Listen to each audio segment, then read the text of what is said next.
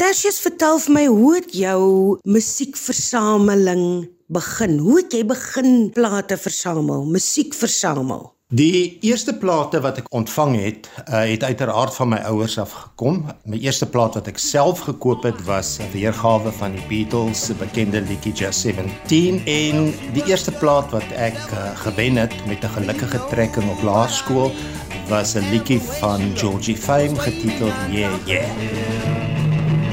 ونهار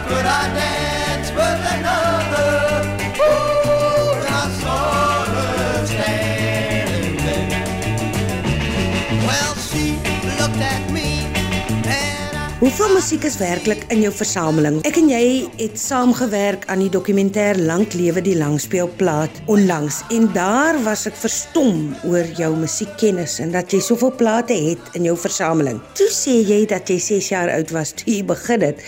Maar nou hoeveel plate is daar in jou versameling?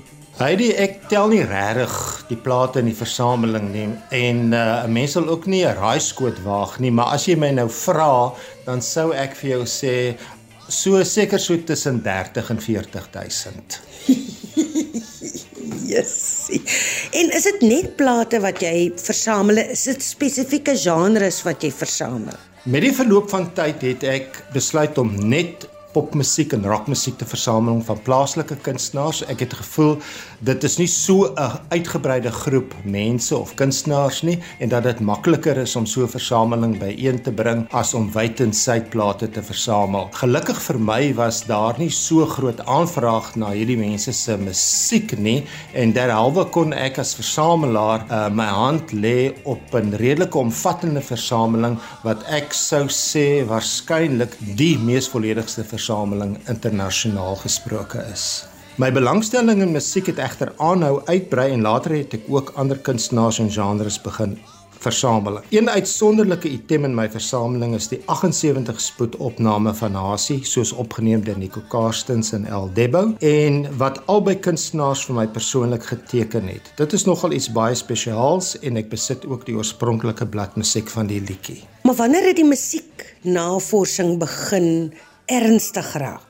Uh Heidi waarskynlik nie baie later as my 6 of 7de verjaarsdag nie. Um ek verwys terug na die Beatles se uh, plaat Just 17 wat ek wou koop. Uh op daardie stadium uitverkoop en die tannie agter die toonbank het aanbeveel dat ek Fadja 17 van 'n groep met die naam van die Meteors. Uiteraard wou ek baie graag hierdie liedjie hê en ek het toe nou maar die Meteors se weergawe gekoop. Later by die huis het ek begin wonder wie is die Meteors en toe het ek begin oplees en uitgevind dat dit 'n plaaslike groep van Johannesburg is en dit het ook die vuurtjie aangesteek vir musieknavorsing um, wat later uitgebrei het tot 'n klomp ander goeters wat daarmee verband hou. Die Meteors het ook bekend gestaan in Suid-Afrika as die groep wat daai baie baie populêre liedjie Meadowlands opgeneem het.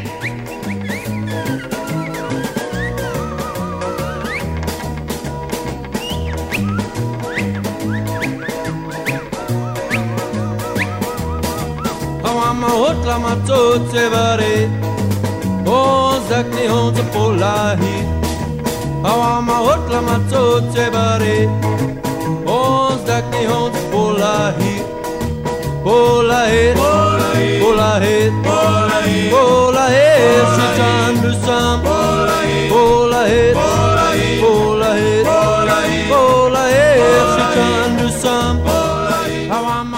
Nou daar kan jy eintlik feitelik nie meer CD's gaan koop in 'n winkel nie. Plate smouse doen dit nou maar oral en mense wat nou CD's op daai manier verkoop en almal laai nou musiek digitaal af. Maar jy's een van daai mense wat nog altyd sal versamel. Ek is ook 'n versamelaar, nou nie op jou vlak nie, maar ek hou ook van daai ding in my hand vashou, die CD of die plaat. Jy gaan seker nooit op 'n musiek versamel nie. Dit is baie moeilik om te sê vir hoe lank 'n mens nou sal aanhou musiek versamel, want um, ek dink dit is 'n nimmer eindigende reis, veral ook as jy die navorsingskomponent bysit. Ek het byvoorbeeld onlangs deur 'n poptydskrif van 1984 geblaai wat onder andere in Suid-Afrika uitgegee is deur niemand anders nie as die bekende Billy Forrest. Ehm um, toe ek daardeur blaai, toe kom ek af op 'n artikel van die Britse sanger Barry Mason luisteraars mag hom onthou vir daai bekende liedjie van hom uh Without You wat in die 70er jare 'n treffer in Suid-Afrika was. Barry vertel in die artikel uh van sy betrokkeheid by 'n Amerikaanse musiekblyspel American Heroes en die liedjie I Am American wat hy geskryf het. Die liedjie het hy later vir Lance James gegee en Lance het dit opgeneem as Ek is Suid-Afrika.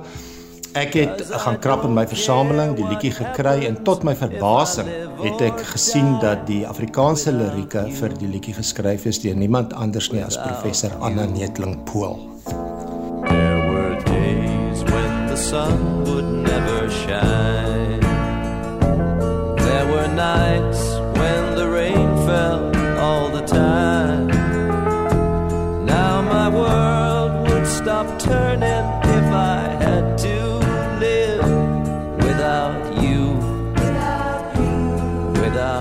gaan soek toe in my versameling vir enige liedjies van Barry Mason wat hy in die begin van sy loopbaan opgeneem het en kom toe af op Rowbottom Square wat hy in 1967 uitgereik het uh, ook in Suid-Afrika. Uh, hierdie nommer toevallig is later deur Andre Viljoen in Afrikaans vertaal en word toe Gerry Pretoria se groot treffer Anne Marie.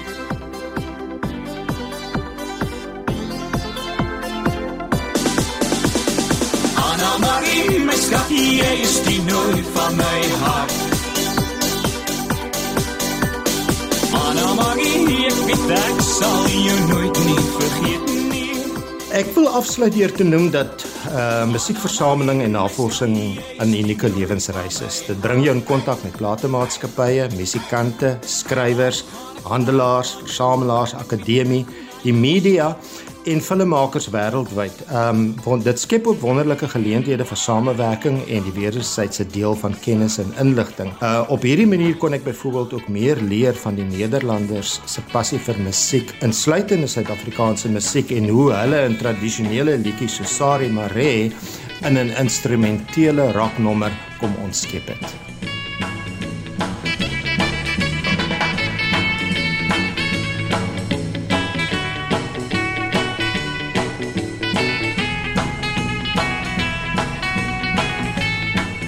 Het jy 'n sekere manier hoe jy na jou plate omsien?